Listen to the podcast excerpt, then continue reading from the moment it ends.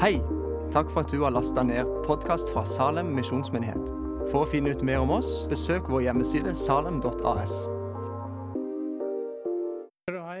Takk for innbydelsen, selv om jeg går her hver søndag. Vel møtt, alle sammen, og god søndag. Fint å se dere. Jeg gleder meg veldig til å dele et ord med dere i dag. Så jeg håper du har et åpent hjerte og er sulten på Jesus. Amen. Da skal du få noe godt. Skal vi be sammen?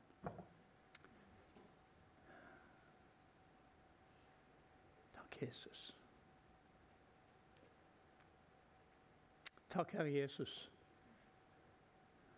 for du har møtt opp for å velsigne den enkelte av oss. Takk for Den hellige ånd som virker iblant oss, og som bærer ordet ditt fra min munn, fra ditt hjerte til min munn, og fra min munn inn i folkets hjerte. Vi gir deg all ære og pris, og vi er så takknemlige at vi får lov å komme sammen og dele med deg vårt liv i Jesu navn. Amen. Nåde være med dere og fred fra Gud, vår Far, og vår Herre Jesus Kristus. Det syns jeg er en veldig fin hilsen. Så den liker jeg å bruke. Halleluja. Nå skal vi se hva vi hadde på lista her. Jeg må ha en sånn liste av og til. Det, det, er litt forstyrrende for meg, for nå har jeg vært 20 år i Romania. Jeg har aldri brukt manuskript. Jeg har bare gått rett ut. Og hvis jeg da skal til med et manuskript, så kan det bli litt forstyrring. Men det tilgir du, hæ? Ja, det er godt. Halleluja. Teksten min er fra Matteus kapittel 4 og vers 17. Det står fra den tid begynte Jesus å forkynne. Omvend dere, for himlenes rike er kommet nær. Og Jeg syns det var så herlig å kunne tale over den samme teksten som Jesus talte om. Hans første preken. Halleluja. Og Der har han alltid noe å si. Men det er jo helt fantastisk, det som var i ferd med å skje. Disse ordene her er absolutt verd å meditere over. Ja. Det vil du ha veldig mye utbytte av. Guds rike er kommet. Ja. Omvend dere, for himlenes rike er kommet nær. Noe fantastisk var i ferd med å skje i denne verden. Ikke det at Gud ikke hadde brydd seg om denne verden, han hadde vært engasjert hele tida, han. Men nå kom det noe helt nytt, noe revolusjonerende, som kom med Jesus inn i denne verden. Guds herredømme kom inn i denne verden. Og tilgjengelig for alle mennesker. Tenk på det. Kan du se det for deg sjøl, åssen vi hadde vært alle sammen uten Jesus? Uten Guds rike i denne verden. Håpløst. Fullstendig håpløst. Men så kom han altså og brakte Guds rike inn. Priset være Jesus. Du vet, Pga. Adams fall så var hele verden lagt i mørket. Og Satan ville blitt denne verdens fyrste. Han som kom for å stjele og myrde og ødelegge. Fritt fram! Helt til Jesus kom. Da var det ikke lenger fritt fram. Halleluja. Men Gud hadde jo en, en plan i det hele tatt. Efeserne kapittel 1 og vers 4 sier at han utvalgte oss i Kristus før denne verdens grunnvoll ble lagt. Så Gud, visst, Gud vet alt. Det syns jeg er så fint. Gud vet alt, Han kjenner alle ting. Han er begynnelsen, og han er enden, og han er alt innimellom. Så før denne verdens grunnvalg, før Gud skapte noe, så utvalgte han oss i Kristus. Halleluja.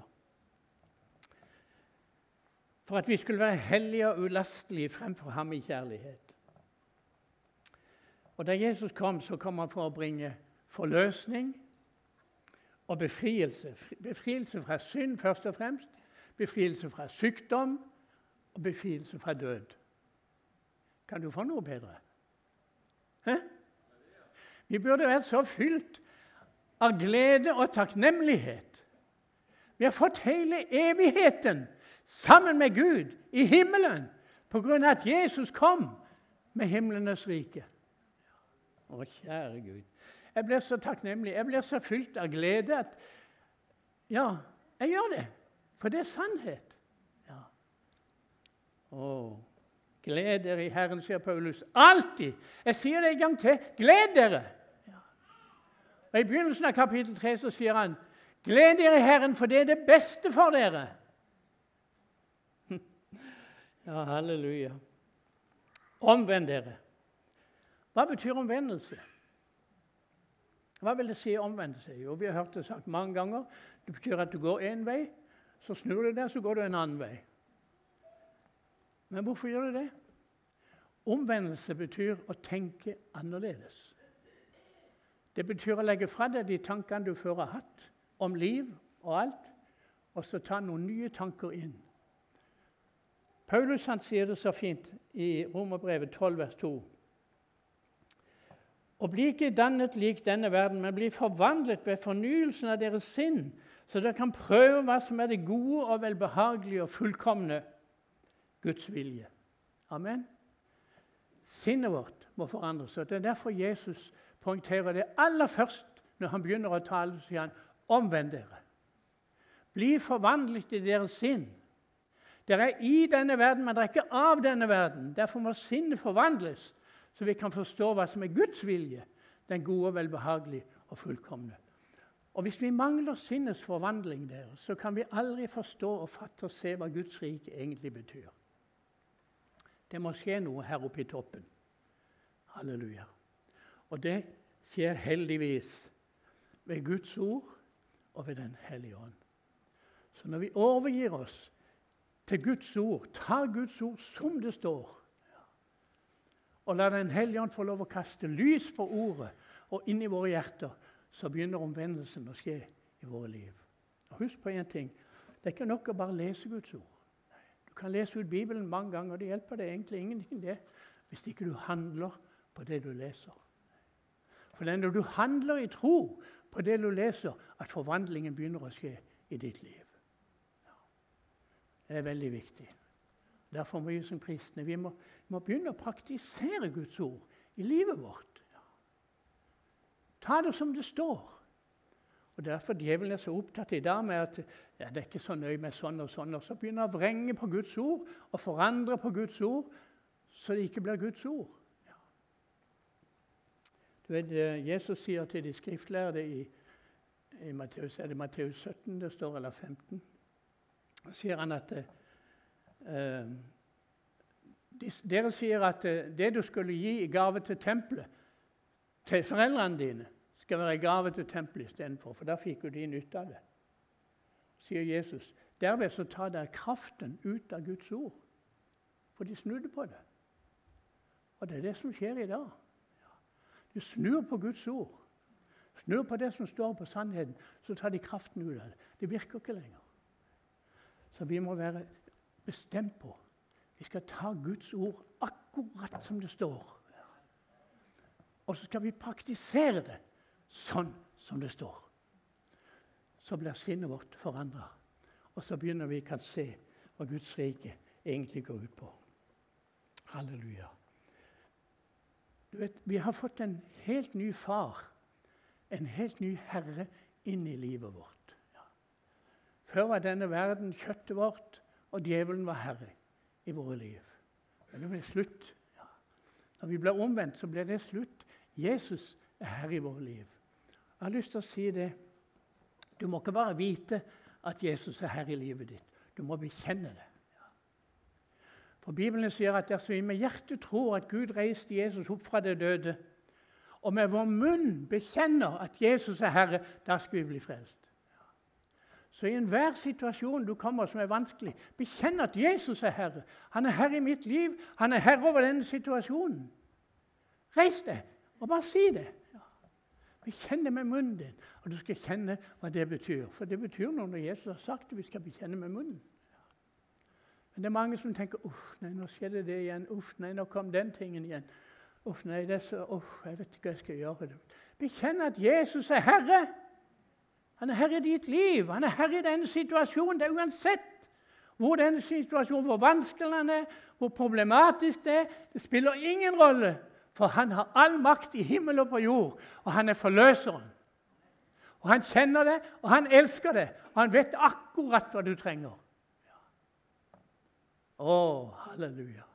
Omvend dere, for himlenes rike er kommet nær. Priset være Jesus.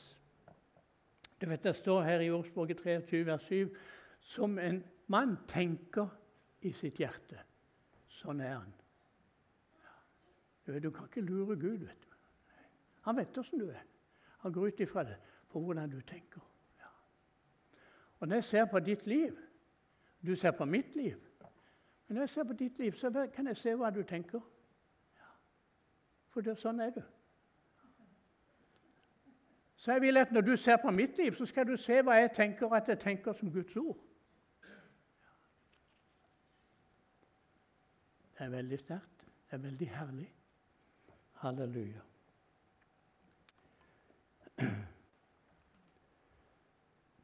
Ja, halleluja. Jeg har et kjernevers. Jeg vet ikke om jeg har talt i det i salen, men det, jeg har talt i det overalt jeg har vært. Kolossenserne 1,13.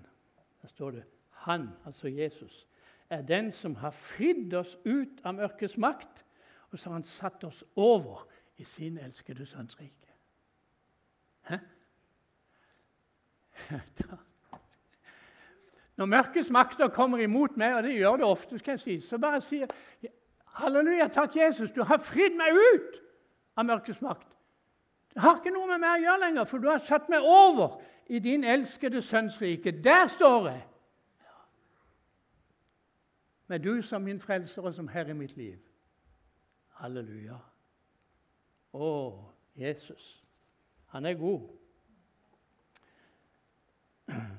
Så står videre i vers 14. Her, han er den som har fridd oss ut av mørkets makt og satt oss over i sin elskede Sønns rike. I ham har vi forløsningen ved hans blod, syndernes forlatelse. Det er frihet. Vi hørte om det i dag, Bjørk. Syndernes forlatelse. Tilgivelse. Halleluja. Så har jeg tenkt mange ganger, og det er jo, det er jo så herlig, dette evangeliet. Og jeg elsker å høre når Elin forkynner det evangeliet. Jeg synes det, smeller i mitt hjerte. For det er så dyrebart hva Gud har gjort for oss i Kristus Jesus. Så er det noe som jeg savner. Og Det er det som ligger meg på mitt hjerte.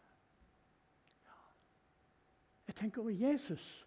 Når han kom, når han begynte å si dette her, omvend for himmelsriket kommer ned, så brukte han nesten tre år uten å særlig nevne at han skulle lide og dø for menneskers synd. Han brukte disse årene for å prente inn og vise disiplene hva Guds rike var for noe. I undervisning og i demonstrasjon. Hele tida. Så de kunne forstå hva Guds rike egentlig går ut på.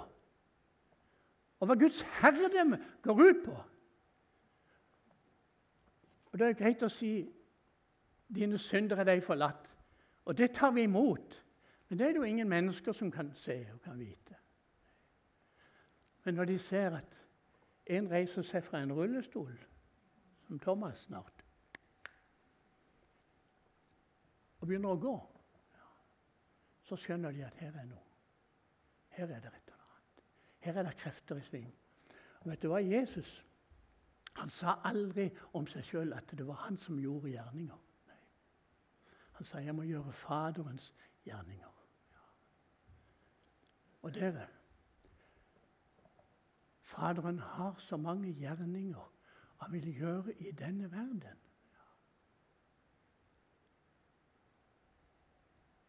For det er så mye nød. Det er så mange syke. Det er så mye elendighet. Kjære venner. Gud er den samme i dag. Han er den samme lengsel, den samme trang som han alltid har hatt.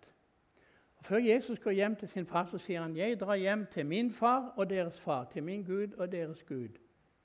Og I Johannes 20, 21 gir han dem oppdraget. Fred være med dere. Som Faderen har sendt meg, sender jeg også dere. Altså, Vi har samme oppdraget som Jesus, bortsett fra at vi skal lide og dø for denne verdens synd. Det er å gjøre Faderens gjerninger i denne verden.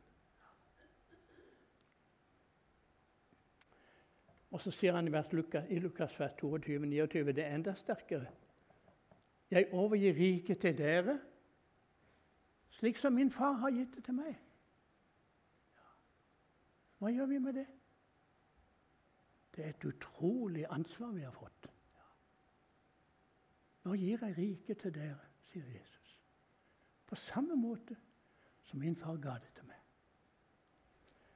Hva gjør vi med det? For et ansvar. Og så skal vi klare det. Jeg tenker på Jeg må lese deg i Matteus, nei, i, Markus,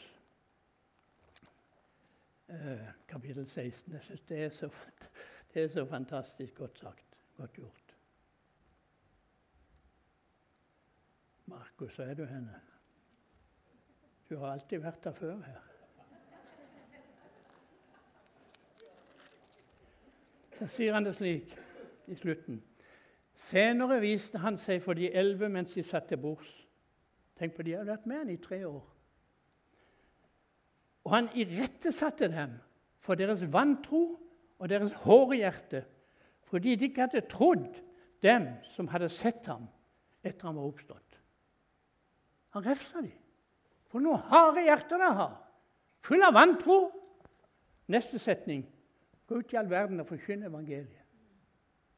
Jeg syns den, den, den, er sterk. Ja. Har vi et hardt hjerte, et vantrohjerte, så løser det oss ikke ifra det oppdraget vi har fått. Ikke i det hele tatt. Men du skjønner, Gud regnet ikke noe med deres egne ressurser. Han regnet ikke noe med deres egne kvalifikasjoner. Han regnet med det Faderen i himmelen hadde lovt som de skulle få. Halleluja. Når Jesus ble herre i deres liv, så sier han Han går hjem til Faderen og skal jeg be Faderen sende Den hellige ånd. Og så kommer Den hellige ånd med Guds kraft, med Guds kjærlighet og herlighet, kraft til disiplene. De ble døpt i Den hellige ånd. Og da hadde de fått kraften.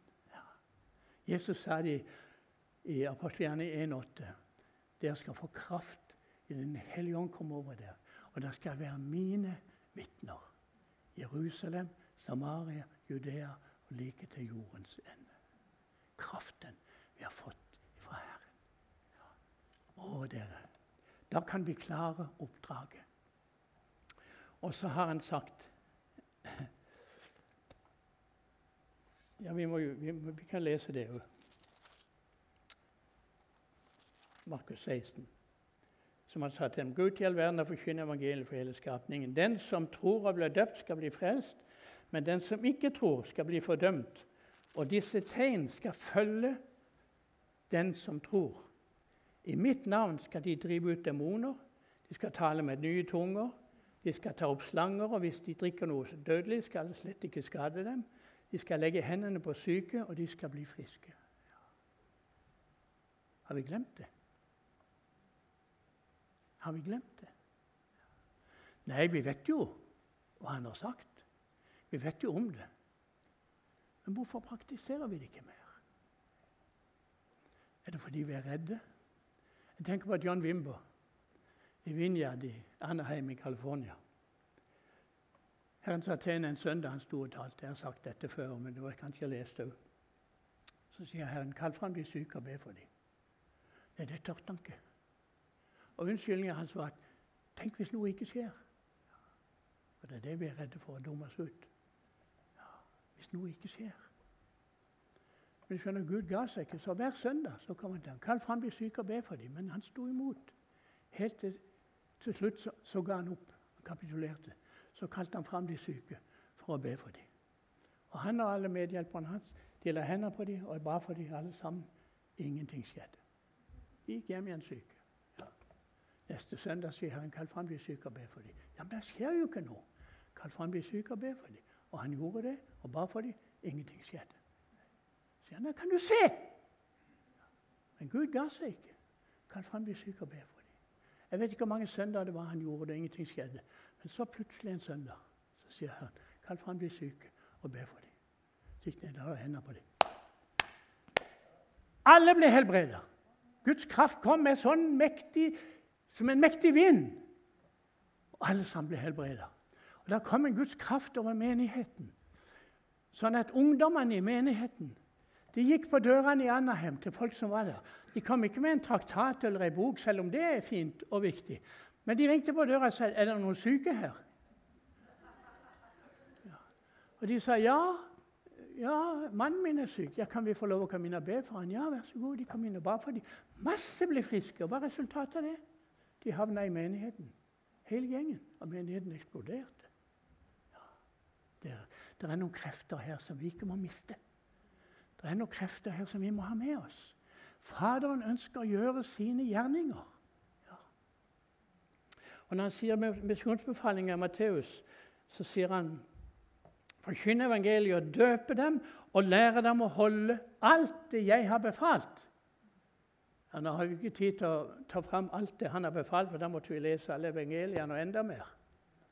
Men det var én ting som han befalte til disse Helbred syke, rens spedalske, vekk opp døde, driv ut demoner.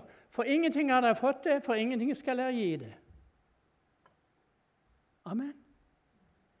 Han har befalt oss det. Ja, men Nei, det er ikke noe jammen.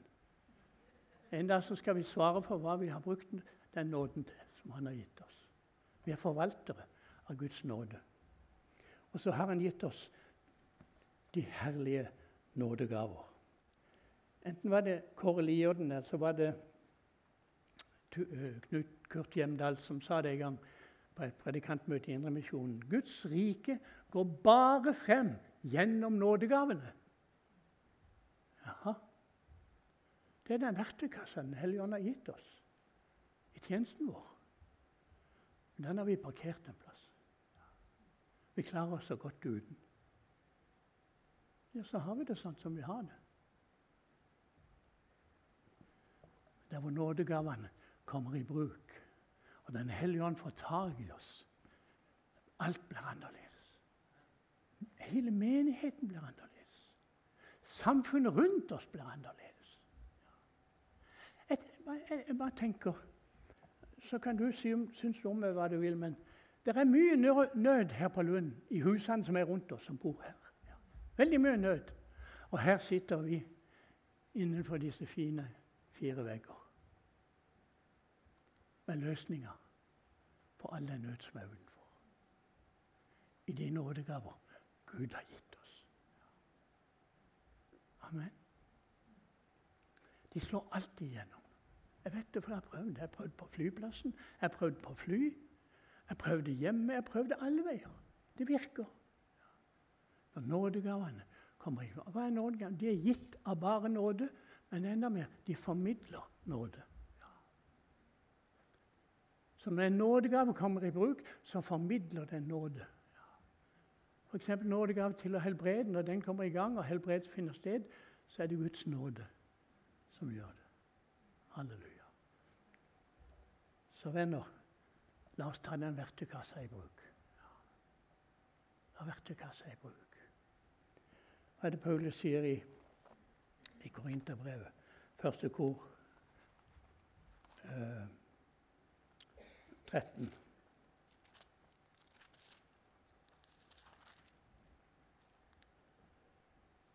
Uh, 14.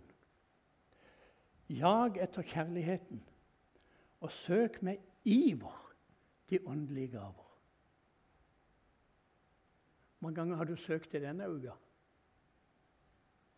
Jeg søker hver dag. Hver dag jeg priser Herren. Å, Nådegaver. nådegaver. For jeg har sett de virker. Jeg har sett kunnskapsord. Jeg skal fortelle det. Jeg har sagt det før. Vi ba for en mann som hadde vondt i kneet. Meg og Turid og Bodil og to andre ungdommer. Man, morgen, middag og kveld. En hel uke. Mandag, tirsdag, onsdag, torsdag, fredag. Ingenting skjedde. Så kom han på møte om søndag, så kom det et kunnskapsord fra Herren. Og så var vi som bar det, og han responderte ikke, for han tenkte ja, Wilhelm vet jo at det er meg. Men jeg var helt vekke. Jeg tenkte ikke på det. Så sier jeg du kan gå hjem med det kneet hvis du vil, men du kan bli frisk i dag hvis du vil. Så reiste han seg. Ja, det er vel kanskje meg, det, Wilhelm sier. Amen, Nils. Vær helbreda i Jesu navn. Så var det gjort. I løpet av fem minutter istedenfor en hel uke. Det er ikke det jeg sier at vi ikke skal be for folk. Nei, langt ifra. Men når nådegavene kommer, så blir det så mye annerledes. Ja, så virker Guds nåde spesielt inn i den situasjonen. Halleluja. Hva gjør vi med oppdraget vårt? Hva er det som skjer når et menneske blir helbreda? Jo, Faderen blir herliggjort. Ja. Det er mye mer enn at det mennesket blir friskt. Men vi herliggjør Faderen. Ja. Den hellige ånd ønsker å herliggjøre Faderen. Jesus sier han skal herliggjøre meg. Han skal ta mitt og gi til dere. Men han herliggjør Faderen. Halleluja. En annen ting som skjer, er Guds rike blir demonstrert i åndens kraft. Og folk ser at dette er umulig for mennesker. Det må være en Gud. Ja. Og Den hellige ånd virker på hjertene. Og så fører det mennesker til tro på Jesus. Halleluja. Dere, ikke misforstå meg. Det er ikke kritikk noe av det her. Jeg bare, bare snur litt på det. Det er ikke kritikk. Men vi satser på en annonse i Feven, men den er blitt så dyr, så vi må bare ha en liten en.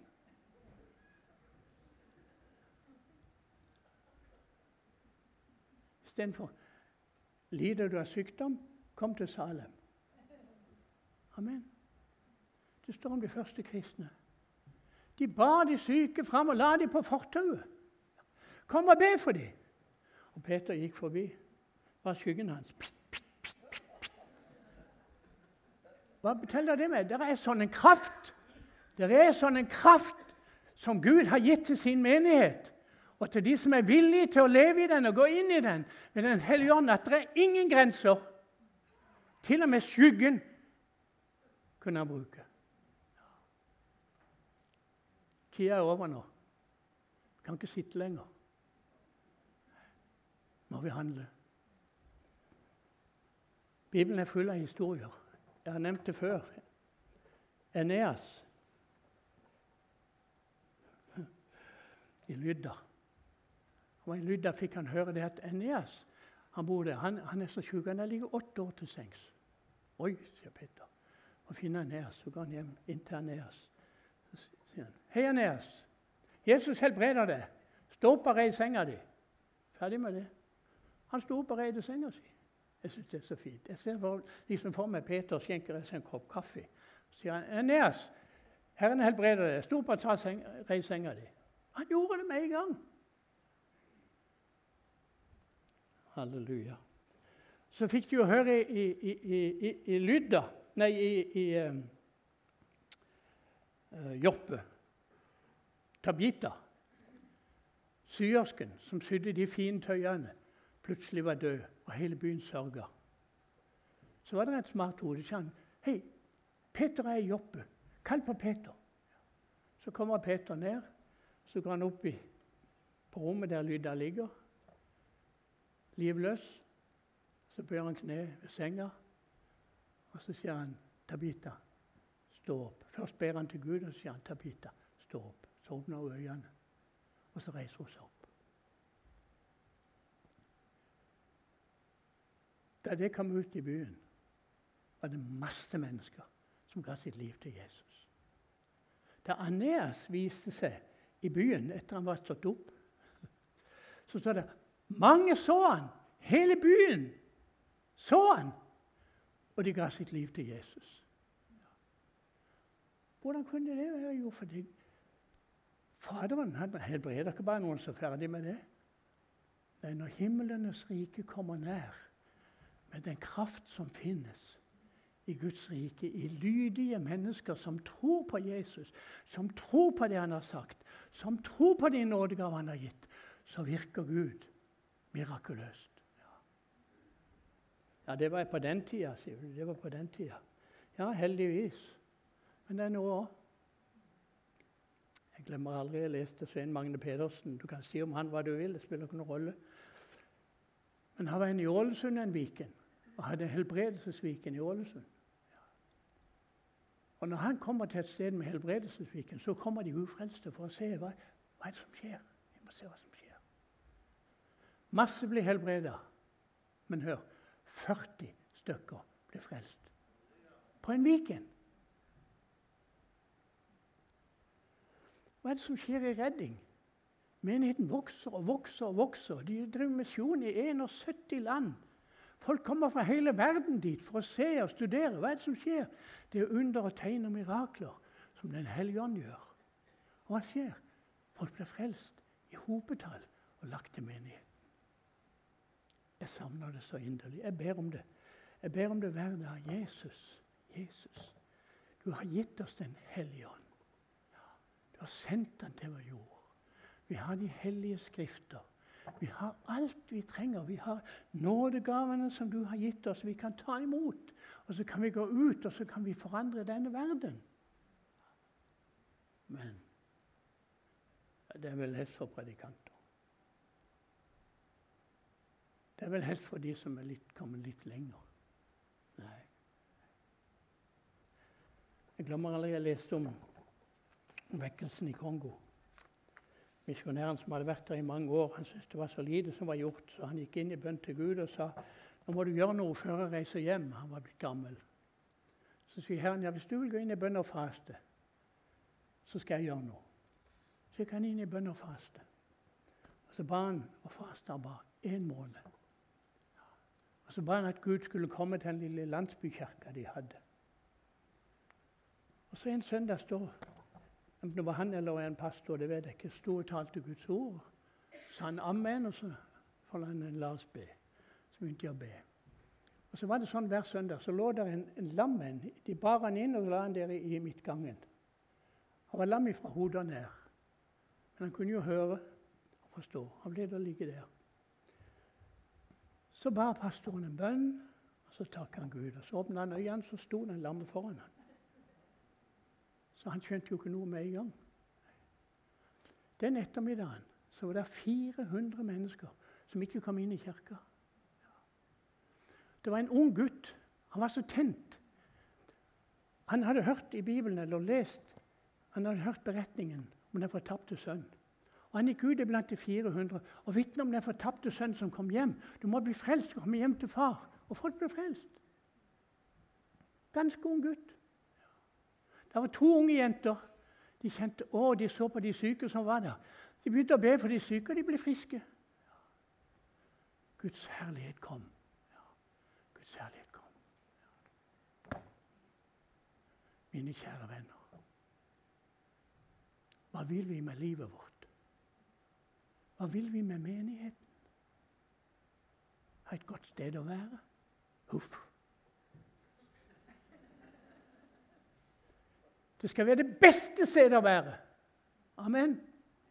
Det beste sted. Der hvor folk blir frelst, syke blir helbredet, Guds herlighet er der. Og folk blir fylt av glede og begeistring for Jesus. Amen.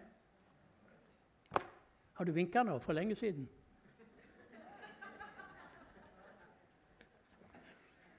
Halleluja. Ja. Må du kjøpe boka til Bjørg og plata. Halleluja, det har vi godt av. Så nå var jeg sagt det, så nå ble jeg nødt til å kjøre på sjøl.